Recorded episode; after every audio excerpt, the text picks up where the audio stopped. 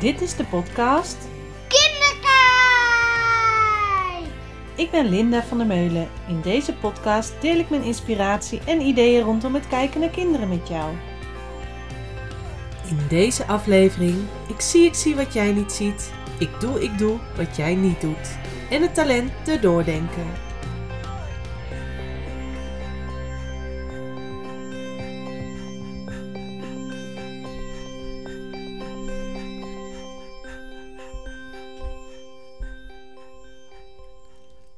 Lieve luisteraar, wat fijn dat je hier weer bent. Dat je weer luistert naar mijn uh, allernieuwste podcastaflevering. Misschien hoor je het wel een beetje. Ik ben lichtelijk verkouden. Ik hoop dat het je niet stoort. Want we gaan deze aflevering weer een super interessant, naar mijn idee, uh, onderwerp bespreken. Namelijk spiegels. Het spiegelen van uh, kinderen naar volwassenen toe. Maar ook het jezelf aankijken in de spiegel. En ik kwam eigenlijk op dit thema toen ik terugdacht naar afgelopen jaar. Want dit is de laatste podcastaflevering die ik opneem van 2021. En misschien luister je dit wel als het al lang 2022 is. Dat geeft helemaal niks. Dat heeft helemaal niet een uh, lading. Maar ik vind het zelf altijd fijn om aan het eind van het jaar even terug te kijken. En toen dacht ik, als ik nou in de achteruitkijkspiegel kijk, wat zie ik dan? Wat is er afgelopen jaar allemaal gebeurd? Welke stappen heb ik gemaakt? Welke dingen uh, hebben indruk op mij gemaakt? En dan merk ik ieder jaar toch weer dat ik hele stappen zet. Dus misschien ook iets voor jou om eens terug te denken, terug te kijken met de vragen die ik net heb opgenoemd. Om eens te kijken, hoe gaat eigenlijk mijn proces? Welke stappen zet ik en zet ik stappen de goede kant op? En ik ben afgelopen jaar zelf met een coachingstraject, of eigenlijk twee naast elkaar begonnen. En de een die gaat over um, een gezonde leefstijl. En daar ga ik binnenkort samen met mijn coach Marleen uh, ook een podcast over opnemen. En die zal ik dan waarschijnlijk ook wel delen hier bij Kinderkijk als het waardevol genoeg is. En uh, mijn andere coachtraject gaat over het vinden van mijn levensblauwdruk. Dus het onderzoeken wat Um, waar sta ik voor? Wat vind ik belangrijk? En welke stapjes kan ik zetten in de richting van het, mijn ideale leven? Want je leeft nu, dus je moet er nu wat van maken. En je kan je heel erg laten beperken door maatregelen die opgelegd worden, door dingen die anderen vinden. Maar het allerbelangrijkste is dat jij op dit moment in jouw leven de goede dingen doet en je fijn voelt. Ik las laatst een uitspraak en ik weet niet meer van wie het was. Maar um, dat deed me herinneren aan een workshop die ik afgelopen jaar gevolgd heb. En de uitspraak was: De eerste keer word je opgevoed door je ouders en de tweede keer door je kinderen. En dat deed me denken aan de workshop Je kind als spiegel. En daar wil ik in deze aflevering uh, iets over vertellen. Want als jij in de spiegel kijkt als volwassene, als begeleider, als ouder, uh, wie zie je dan? En wat zie je dan? En waar let je op? Hoe gedraag je je? Wat zo is, is dat je als je in de spiegel kijkt, bepaalde dingen hebt waar je altijd op let. Als je bijvoorbeeld naar je uiterlijk kijkt, de een die kijkt uh, naar alle dingen die niet mooi zijn aan jezelf. De ander kijkt juist van, oh, ik uh, vind dit wel mooi aan mezelf. Of dat je juist kijkt naar uitstraling, of naar ogen, of naar um, hoe staan de rimpeltjes op mijn gezicht. Maar je kan ook een laagje dieper kijken naar wie ben ik eigenlijk en hoe zit ik in mijn vel en hoe sta ik voor die spiegel. Met wat voor houding, een houding vol zelfvertrouwen en uh, kracht of sta ik eigenlijk een beetje ineengedoken voor de spiegel? En niks is fout, het is wat het is op dit moment. Alleen het is wel belangrijk, of ik vind het heel belangrijk, om af en toe eens even stil te staan voor die spiegel. En wat ik zelf heb mogen ervaren als ouder vooral, maar ook als pedagogisch medewerker voor ik ouder was, is dat kinderen jou spiegelen. En wat ik daarmee bedoel, ga ik dus in deze podcastaflevering uitleggen. Voordat ik dat ga doen, is het belangrijk om een soort van intentie voor jezelf eens even in gedachten te nemen. Wat voor volwassene wil ik zijn? Wat voor ouder wil ik zijn? Of wat voor begeleider als je nog geen kinderen hebt? Neem eens in gedachten wat voor voorbeeld wil jij zijn voor de kinderen om je heen? Wat vind jij belangrijk om ze mee te geven? Wil je ze een basisvol zelfvertrouwen meegeven? Of wil je ze juist leren onafhankelijk zijn? Wil je ze leren kritisch nadenken? Of juist volgzaam zijn? Dus sta daar eerst eens even bij stil voor we aan de slag gaan met je kind als spiegel. Je kan eventueel de podcast ook even op pauze zetten, mocht je het verder willen uh, uitwerken. En anders luister je lekker verder en laat je het gewoon ergens in je hoofd uh, een beetje pruttelen. Um, een hele poos geleden kreeg ik zelf een uh, artikel uit een boek opgestuurd. Het boek Het Fluisterkind. En dat artikel dat raakte me. Omdat het ging over kinderen die hun ouders spiegelen. Ik heb zelf het boek niet. Ik heb hem ook nog niet gelezen. Uh, hij staat wel op mijn lijstje. Omdat ik hem nog niet in huis heb. Maar uh, wat me zo raakte in dat boek. Is dat kinderen dus een boodschap hebben in hun verhaal. In dat wat ze laten zien. Iets wat ze spiegelen aan de volwassenen. En wat ik eerst wil doen, is dat je één kind in gedachten neemt. En als je pen en papier bij de hand hebt, dan kun je ook alvast dingen opschrijven. Heb je dat niet, dan kan je dat op een later moment doen. Of deze podcast nog een keer terugluisteren en het dan alsnog doen. Maar neem in ieder geval één kind in gedachten. En kijk dan even naar wat bewonder ik aan dit kind. Die dingen schrijf je op. En dan leg je het nog even opzij, dan gaan we daarmee verder. Of later mee verder. Ehm, het verhaal wat jij vertelt over een kind, dat zegt vaak heel veel over hoe jij jezelf ziet. Je hebt zelf bepaalde focus dus, waar je naar kijkt, waar ik net ook van voor de spiegel over vertelde. En kinderen hebben dat net zo goed. Dus als jij aan een kind denkt, dan spiegel je onbewust ook de kenmerken die je zelf hebt op een kind. Of de talenten die je zelf hebt. Als je meerdere podcastafleveringen hebt geluisterd, dan weet je dat ik elke keer een talent centraal stel. En als je dus een bepaald talent hebt, dan zie je dat talent ook sneller bij anderen. Het verhaal wat jij vertelt over een kind, dat vertelt een boodschap over het kind. Het speelt zich in je onderbewuste af. Maar bijvoorbeeld neem eens in gedachten als uh, je het druk hebt. Je bent met van alles bezig en uh, de kinderen merken ook dat je druk hebt. Dan hebben ze daar antennes voor en dan gaan ze dat uitvergroten met hun gedrag. Eigenlijk proberen ze daarmee te vertellen: doe het eens even rustig aan. Dat is wat je aan de buitenkant opmerkt en dan raak jij geïrriteerd van ja, maar ik ben met van alles bezig, nu even niet. En het kind laat daarmee zien dat je druk bent en druk doet en dat je het rustig aan mag gaan doen. Dat herken ik zelf heel erg. Als ik te veel in mijn hoofd bezig ben en met te veel dingen tegelijk ben, dan gaat Isa er soms dwars voor liggen.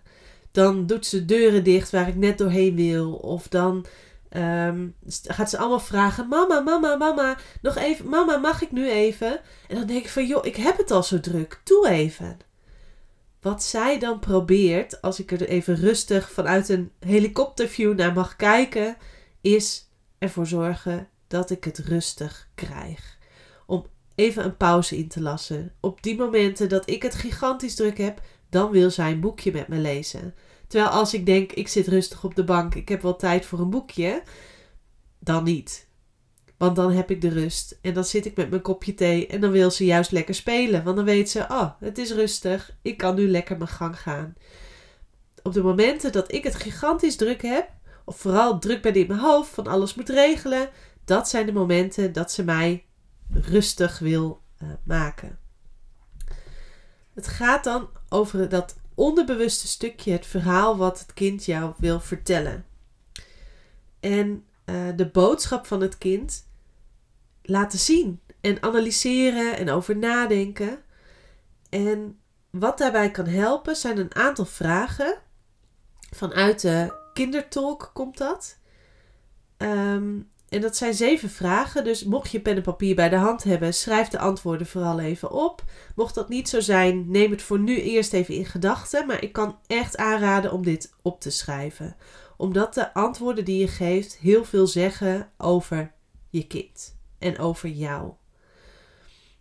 De eerste vraag is: wat wil jij als ouder? Maar je kan er ook pedagogisch medewerker of begeleider of leerkracht van maken. Wat wil jij voor je kind?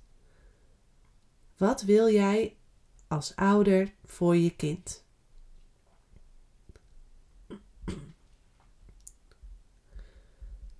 Vraag 2 is: merk je als het niet goed gaat met je kind? Dus merk je als het niet goed gaat met je kind? Vraag 3 is: hoe merk je dat het niet goed gaat met je kind? Hoe merk je dat het niet goed gaat met dit kind? Dus het kind wat je in gedachten hebt, hoe merk je als het niet goed gaat? Vraag 4. Hoe voelt het voor jou als het niet goed gaat met je kind? Hoe voelt het voor jou als het niet goed gaat met je kind? Vijf is, wat heb je ervoor over om de situatie te veranderen? Wat zou je graag willen veranderen? En dan vooral willen veranderen voor je kind. Dus wat heb je ervoor over om de situatie te veranderen? Vraag 6 is: kan je kind overzien wat goed of nodig is om weer in het spoor te komen? En de laatste vraag, vraag 7. Moet je soms ingrijpen en op welke manier? Moet je maatregelen treffen, bijvoorbeeld hulp bieden, sturing, overzicht bewaken, consequenties, noem maar op. Wat voor manier van ingrijpen en moet je soms ingrijpen als, uh, om het kind weer terug in het spoor te uh, laten komen?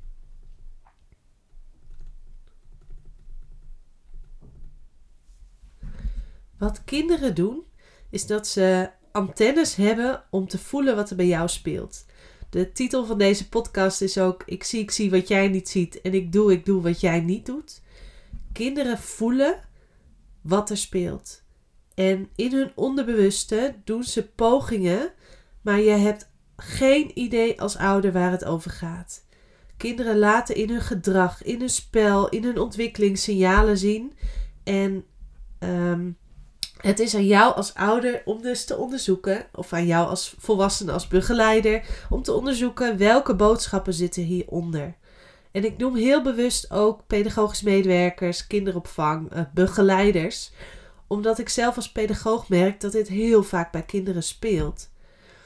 En dan is het niet per se altijd de spiegel van het kind naar jou, maar vaak ook het spiegel van het ouder naar het kind als een kind net gebracht is en ehm, niet happy is, kan het heel vaak zijn dat, of heb ik zelf ervaren dat het heel vaak zo is, dat de ouder zich niet 100% goed voelt bij het kind wegbrengen naar de kinderopvang bijvoorbeeld. Of niet goed voelt om uh, het kind naar deze plek te brengen of naar deze school. Ga dat eens onderzoeken. Want dan kan je zo je best doen en met al je liefde als volwassene, als pedagogisch medewerker, het kind proberen zich fijn te laten voelen. Maar als het kind die ouder blijft spiegelen en de ouder heeft geen goed gevoel of heeft het niet naar de zin op het werk en het kind maakt zich zorgen onderbewust, ook al is het nog een baby of een dreumes, dat is wel wat er gebeurt of kan gebeuren. Het is niet altijd zo, maar ga dat eens onderzoeken. Ga het eens analyseren. En wat dan heel vaak wel helpt, is even een gesprekje met de ouder. Een goed gevoel geven uh, dat, je, dat het kind veilig is bij jullie. Dat het kind uh, aangeven wat er goed gaat, wat hij fijn vindt om te doen, uh, wat hem helpt. Het gevoel geven aan de ouder van ik zie jouw kind en ik zie jou en ik wil graag dat het goed verder gaat als kinderen uh, spiegelen, dan spiegelen ze dus met hun gedrag. En soms lijkt het helemaal niet op wat jij denkt, het is geen letterlijke spiegel. Soms trouwens wel. Ik heb wel eens gehad dat ik ehm, Isa naar school moest brengen en ik heel hoog in mijn emoties zat. Er was net iets heftigs. Ik had net een heftig bericht gekregen. En het liefst wilde ik wel huilen. Maar ik had zoiets, nou, eerst Isa naar school. En dan neem ik wel even de tijd en de ruimte. En ik voelde gewoon aan alles. Uh, nou ja, die spanning in mijn lijf. Toen was ik nog niet heel erg met emoties bezig. Was ik me nog niet helemaal er bewust van. En wat deed Isa? Die ging letterlijk op de grond liggen, huilen, krijsen. Ik ga niet.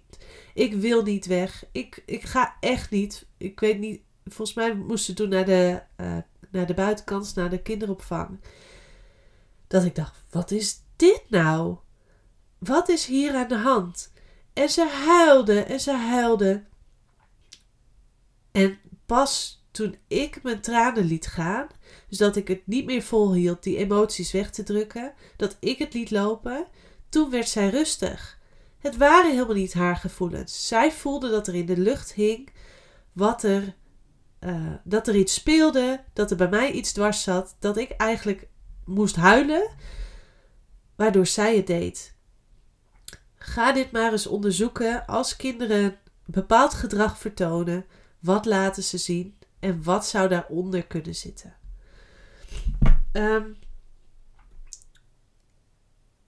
wat daarin kan helpen, is dat je vooral eens gaat kijken naar de vragen die ik net genoemd heb. Dus schrijf ze ook vooral op en uh, gebruik ze. Omdat we daar gaan we straks nog een oefening mee doen, wat hopelijk helderheid kan geven. Het talent wat, daarmee, uh, wat ik daarmee mooi bij vind passen, is het talent van de doordenker. Want ik denk dat je, vooral als je doordenker bent, heel, het heel interessant vindt om deze dingen te doen. Want als doordenker, dan uh, luister je, uh, vind je het heel fijn om te luisteren naar mensen en daar ben je ook echt goed in. Je denkt na over wat mensen je vertellen en uh, neemt daar ook de ruimte voor om die informatie te verwerken. Dus je bent een goede luisteraar. Uh, als je nieuwe informatie krijgt, moet je dat altijd even verwerken. Dus moet je ook even nieuwe dingen laten landen. En het, je kan het zien als een soort van puzzeltje in je hoofd. En als de, uh, al, al die losse puzzelstukjes bij elkaar passen. En als de puzzel klaar is, dan uh, kan je erover vertellen. Dus je moet het eerst even ordenen en in je hoofd laten broeden. En dan kan je het gaan delen van nadenken over iets heel moeilijks of iets nieuws, krijg je ook heel veel energie. Dus je wordt echt heel blij van luisteren naar mensen, linken leggen, die puzzeltjes in je hoofd laten landen en ordenen en uh, daarover nadenken. Wat je nodig hebt is dus een omgeving waar je ruimte krijgt om na te denken over moeilijke vragen of om dingen te mogen analyseren. Uh, vooral als anderen jou ook uitnodigen om jouw mening te mogen geven. Maar dat je ook de ruimte krijgt om dat dus even daarover na te mogen denken. Als je een omgeving bijvoorbeeld hebt waar heel snel beslissingen moeten, worden genomen, dat is niet helemaal iets voor jou. Wat wel zo is, wat valkuilen kunnen zijn voor de doordenker als je hierin in herkent. Dus als je echt een denker bent en heel graag uh, nadenkt over hoe zouden dingen in elkaar kunnen zitten. En uh, de puzzeltjes zeg maar compleet maken. Dan kan je zo diep in gedachten verzonken zijn dat het lijkt alsof je aan het dagdromen bent. En voor de buitenwereld lijkt dat, maar dat is niet zo. Maar het is wel handig om dat aan anderen uit te leggen. Dat je gewoon echt even aan het nadenken bent. Ook heb je als doordenker tijd nodig om uh, die mening dus te ordenen, om een mening te vormen. Probeer uh, je voor te bereiden, dus ook die tijd te nemen. En vraag eventueel om denktijd als je die nodig hebt. Dus mocht je het gevoel hebben van ja, maar ik moet nu mijn mening geven of een beslissing maken, geef dus aan, ik heb nog even wat denktijd nodig. Dat kan heel erg helpen. Nou, ik vind dit talent, de doordenker, zo mooi bij uh, het spiegelen passen. Is omdat je gaat analyseren, gaat nadenken en het puzzeltje compleet probeert te krijgen in wat probeert het kind mij te vertellen. Soms helpt het al door dingen te benoemen. Dus door te analyseren. Uh, ik heb zelf als moeder gemerkt dat uh, als ik heel druk bezig was, dan ging. En Isa deed bijvoorbeeld irritant. Dat het al hielp dat ik even benoem. En nog steeds helpt trouwens, want dat is nog steeds regelmatig. Goh, Is, wil je even aandacht? En er was 9 van de 10 keer was ja. Ik, oh, nou, dat kan je ook gewoon op een vriendelijke manier vragen. Mam, mag ik even je aandacht? En ze leert dat steeds meer doordat ik het op die manier benoem. Maar dat aandacht vragen deze niet door netjes te vragen: Goh, mam, mag ik, even, mag ik ook even aandacht? Of mag ik even? Maar dat deze meestal door echt super irritante dingen te doen. Dus door heel erg uh, met haar vingers op de tafel te gaan tikken. Of door uh, continu doorheen te praten als ik iets, uh, net iets wilde gaan vertellen. Of door letterlijk voor je neus te gaan staan terwijl je op weg bent naar bijvoorbeeld de keuken. Dat je naar de keuken loopt en dat ze continu voor je gaat. Uh, omdat ze nog niet het op een andere manier kon. Dus wees je bewust, kinderen doen wat ze doen omdat ze het nog niet op een andere manier kunnen laten zien. Dat is het hele mooie pure en dat is ook het hele lastige. Maar ook het fascinerende, interessante wat ik hieraan, uh, hier uithaal. Dus eigenlijk aan uh, jou de uitdaging: ga dit eens onderzoeken, ga het eens analyseren. Als je nou eens weer dat uh, papier, als je het hebt opgeschreven, erbij pakt, of in ieder geval die vragen weer in gedachten hebt, sta er eens bij stil. Die vragen over wat wil jij voor je kind en uh, wat merk je als het niet goed gaat met je kind. Het werkt het allerbeste om ze opgeschreven te hebben. Dus heb je dat nog niet gedaan, spoel de podcast nog even terug en ga lekker met die vragen aan de slag. Heb je het wel gedaan, dan kan je ze er nu bij pakken. En dan gaan we de vragen omkeren. Want elke boodschap die jouw kind geeft, of wat jij ziet bij het kind, dat kun je vertalen naar jezelf. Of heel vaak is het zo dat het dan ook echt zo werkt. Want de vragen zijn nu omgedraaid bij vraag 1. En dan kijk dan naar het antwoord wat je al hebt opgeschreven of neem die in gedachten, want dat is eigenlijk het antwoord op deze vraag. Wat wil jouw kind van jou als ouder? Dus wat wil jouw kind voor jou als ouder? En het antwoord heb je zelf net aan het begin van deze aflevering al gegeven of opgeschreven. Vraag 2 is: merkt je kind als het niet goed gaat met jou? Dat antwoord heb je zelf ook gegeven. Vraag 3: hoe merkt je kind dat dan? Vraag 4: hoe voelt het voor je kind als het niet goed gaat met jou? 5 is: wat heeft je kind ervoor over de situatie te veranderen? Wat zou je kind voor jou willen veranderen? Zes is, kan je overzien wat goed of nodig is om weer in het spoor te komen? En zeven, moet je kind soms ingrijpen en op welke manier? Eigenlijk geeft wat jij zegt over je kind antwoorden over hoe je het zelf ziet of doet. En dat is dus je kind als spiegel. Je kind laat zien, die projecteert eigenlijk het beeld wat jij hebt over je kind, projecteert hij weer terug, laat hij het zien. Als voorbeeld, mocht je nou niet meegeschreven hebben, ik heb zelf bij de vragen dus uh, ook antwoorden gegeven. En als ik dan eens kijk naar de antwoorden, het klopt elke keer. Ik doe dit regelmatig als ik even denk van nou, wat, is er, wat speelt er nu weer? Dan uh, vul ik die vragen dus even in. Dus ik daag je ook uit, luister dit terug en uh, pak hem erbij als je dit interessant vindt. Wat ik deze keer heb opgeschreven is: wat wil jouw kind voor jou als ouder? Of eigenlijk, wat wil jij dus als ouder voor je kind? Maar dit is dus het antwoord. Mijn kind wil voor mij dat ik lekker in mijn vel zit. Uh, ik had namelijk opgeschreven: wat ik heel graag wil, is dat ze lekker in haar vel zit, zich fijn voelt en de rust heeft te onderzoeken wat ze wil. Mijn kind merkt het dus blijkbaar als het niet goed gaat met me. Want het antwoord op vraag 2 is ja. Merk je het als het niet goed gaat met je kind? En merk je kind als het niet goed gaat met jou? Hoe merken jullie dat dan? Dan is ze onrustig, dan wordt het een chaos en doet ze van alles tegelijk. Dat is ook echt zo. Zowel bij mij als bij Isa. Als ik, uh, als ik niet lekker in mijn vel zit. En ook als Isa niet lekker in haar vel zit. Of zich niet fijn voelt en niet de rust heeft om te onderzoeken wat wil ik eigenlijk. Dan gaan we allebei uh, van alles tegelijk doen. Dan wordt het een chaos. Dan uh, wordt het onrust. Hoe voelt het voor je kind als het niet goed gaat met jou? Nou, dat voelt niet fijn. Dan wil ik graag rust inbouwen. Dus dat geldt zowel voor mij als ik dit bij Isa zie, als dat het voor haar geldt als ze het bij mij ziet.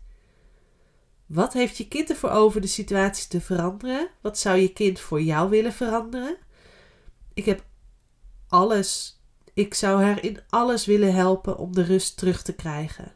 Dus Isa spiegelt dat bij mij ook. Als ik chaotisch ben en mijn hoofd vol en ik wil van alles tegelijk, dan zal ze er alles aan doen zodat ik mijn rust ga pakken.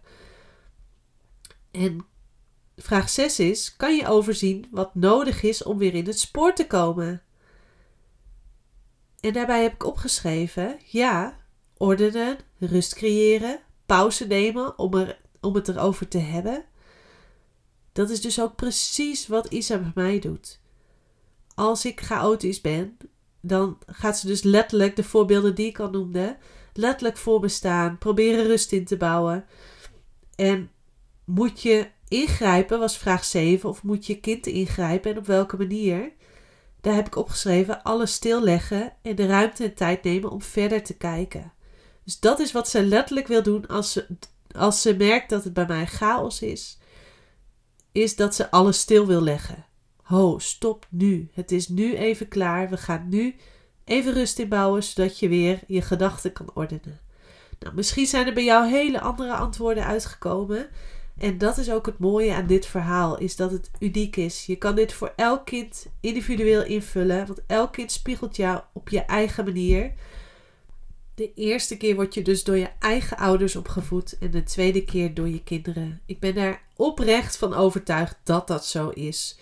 Uh, misschien denk je daar heel anders over, dan hoor ik het heel graag. Ik wil daar heel graag uh, niet in goed of fout, maar wel naar ideeën van anderen. Want misschien zijn er nog wel hele andere mooie inzichten die ik niet ken. Uh, wat dit, waar dit je toe uitnodigt, is dat je vooral kijkt naar behoeften. Dus welke behoeften zitten er achter gedrag? En welke boodschappen zitten er achter gedrag? Mocht je hier nou nog meer over willen lezen, dan zou ik het boek Fluisterkind van Jantina Venema dus aan willen raden. En uh, de subtitel van het boek is ook Luisteren naar wat je kind over jouw leven te vertellen heeft. En wat ik nu wil doen, is weer even terug naar het allereerste wat je hebt opgeschreven. Dus uh, over die kenmerken, wat bewonder je aan je kind? Want daar staat eigenlijk opgeschreven wat je kind aan jou bewondert en wat jij nog meer laat zien. Dus de punten die jij in jouw kind bewondert, zijn dingen die jouw kind ook in jou bewonderen. Ik heb daar bijvoorbeeld opgeschreven haar creativiteit en haar denken in, of al haar ideeën die ze heeft, uh, denken in mogelijkheden. Dat is dus wat blijkbaar Isa aan mij bewondert. En wat ik nog meer mag zien, nog meer mag uitbouwen. Als je. Uh, ik ben wel eigenlijk wel heel benieuwd. Als je dit hebt gedaan, je hebt ook letterlijk meegeschreven. Wat heb je hier uitgehaald? Wat uh, laat het kind jou zien? Hoe werkt dit? Dit werkt het allerbeste bij eigen kinderen, omdat je daar ook echt die, uh, we zeggen het, of ik zeg zelf wel eens, die uh, verlengde navelstreng die er nog steeds is. maar ook bij vaders werkt het net zo goed. maar ook wel bij kinderen van anderen, dat ze jou kunnen spiegelen. En vooral als je een hele fijne band hebt met een kind. Nou, ik hoop dat deze podcastaflevering je weer mooie nieuwe inzichten heeft gegeven in het kijken naar kinderen. En als je er vragen over hebt, dan hoor ik het heel graag. Dan mag je altijd even contact opnemen. En anders wens ik je een hele fijne dag vandaag. En veel kijk- en luisterplezier naar de kinderen op je heen. Tot de volgende podcastaflevering.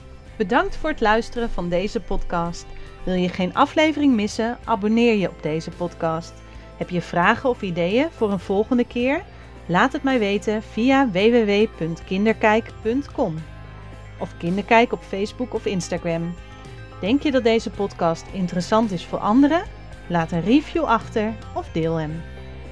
Doeg!